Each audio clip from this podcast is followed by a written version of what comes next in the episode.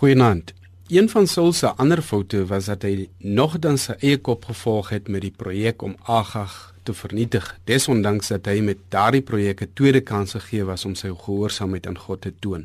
Terwyl die opdrag van die Here gewees het dat Saul die ganse Amalekiete en hul vee moes vernietig, lees ons in 1 Samuel 15 dat Saul en sy manskappe die koning van die Amalekiete Agag se lewe gespaar het en ook die mooiste kleinvee en beste beeste die vetstes en die lammers en alles wat mooi was. Sou hulle wou dit alles nie om die lewe bring nie. Al die vee wat egter swak en waardeloos was, het hulle wel van kant gemaak.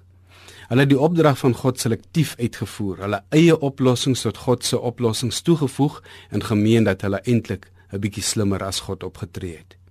Hierdie soort van slimheid, beterweterigheid en beter opsies is ook oral sigbaar vandag in hoe ons met God se opdragte handel.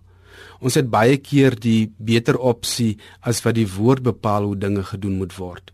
Ons vervang graag God se fundamentele reëls met ons eie slimmer denke ter wille van ons eie status en behoud van ons sogenaamde selfrespek het ons ook maar selektief lief gee ons selektief om doen ons dinge selektief reg, vergewe ons selektief en soek ons uit wat ons meen die beste en die regste manier is om dinge te doen.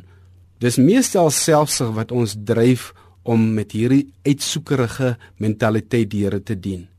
Saul en sy manskappe se selfsug was openbaar in dit dat hulle gereedelik al die vee wat swak en waardeloos was van kant gemaak het maar die mooiste kleinvee en beeste, die vetstes en die lammers en alles wat mooi was vir hulle eie gewin gespaar het.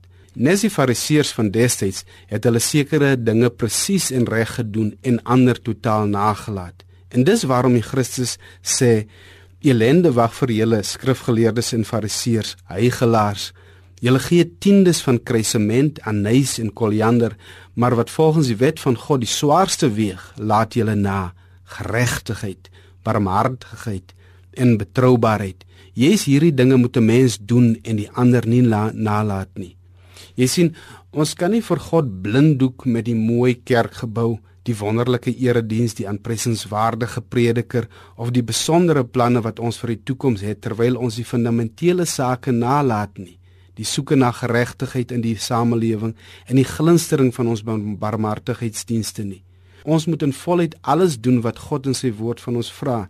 Nie net dit wat vir ons gemaklik, lekker en ons ego streel nie, want eie sinnigheid is net so erg as die bedrog van afgodery. Vader, laat my lewe in die volste gehoorsaamheid om U wil te doen en nie om my eie kop te volg nie. Amen.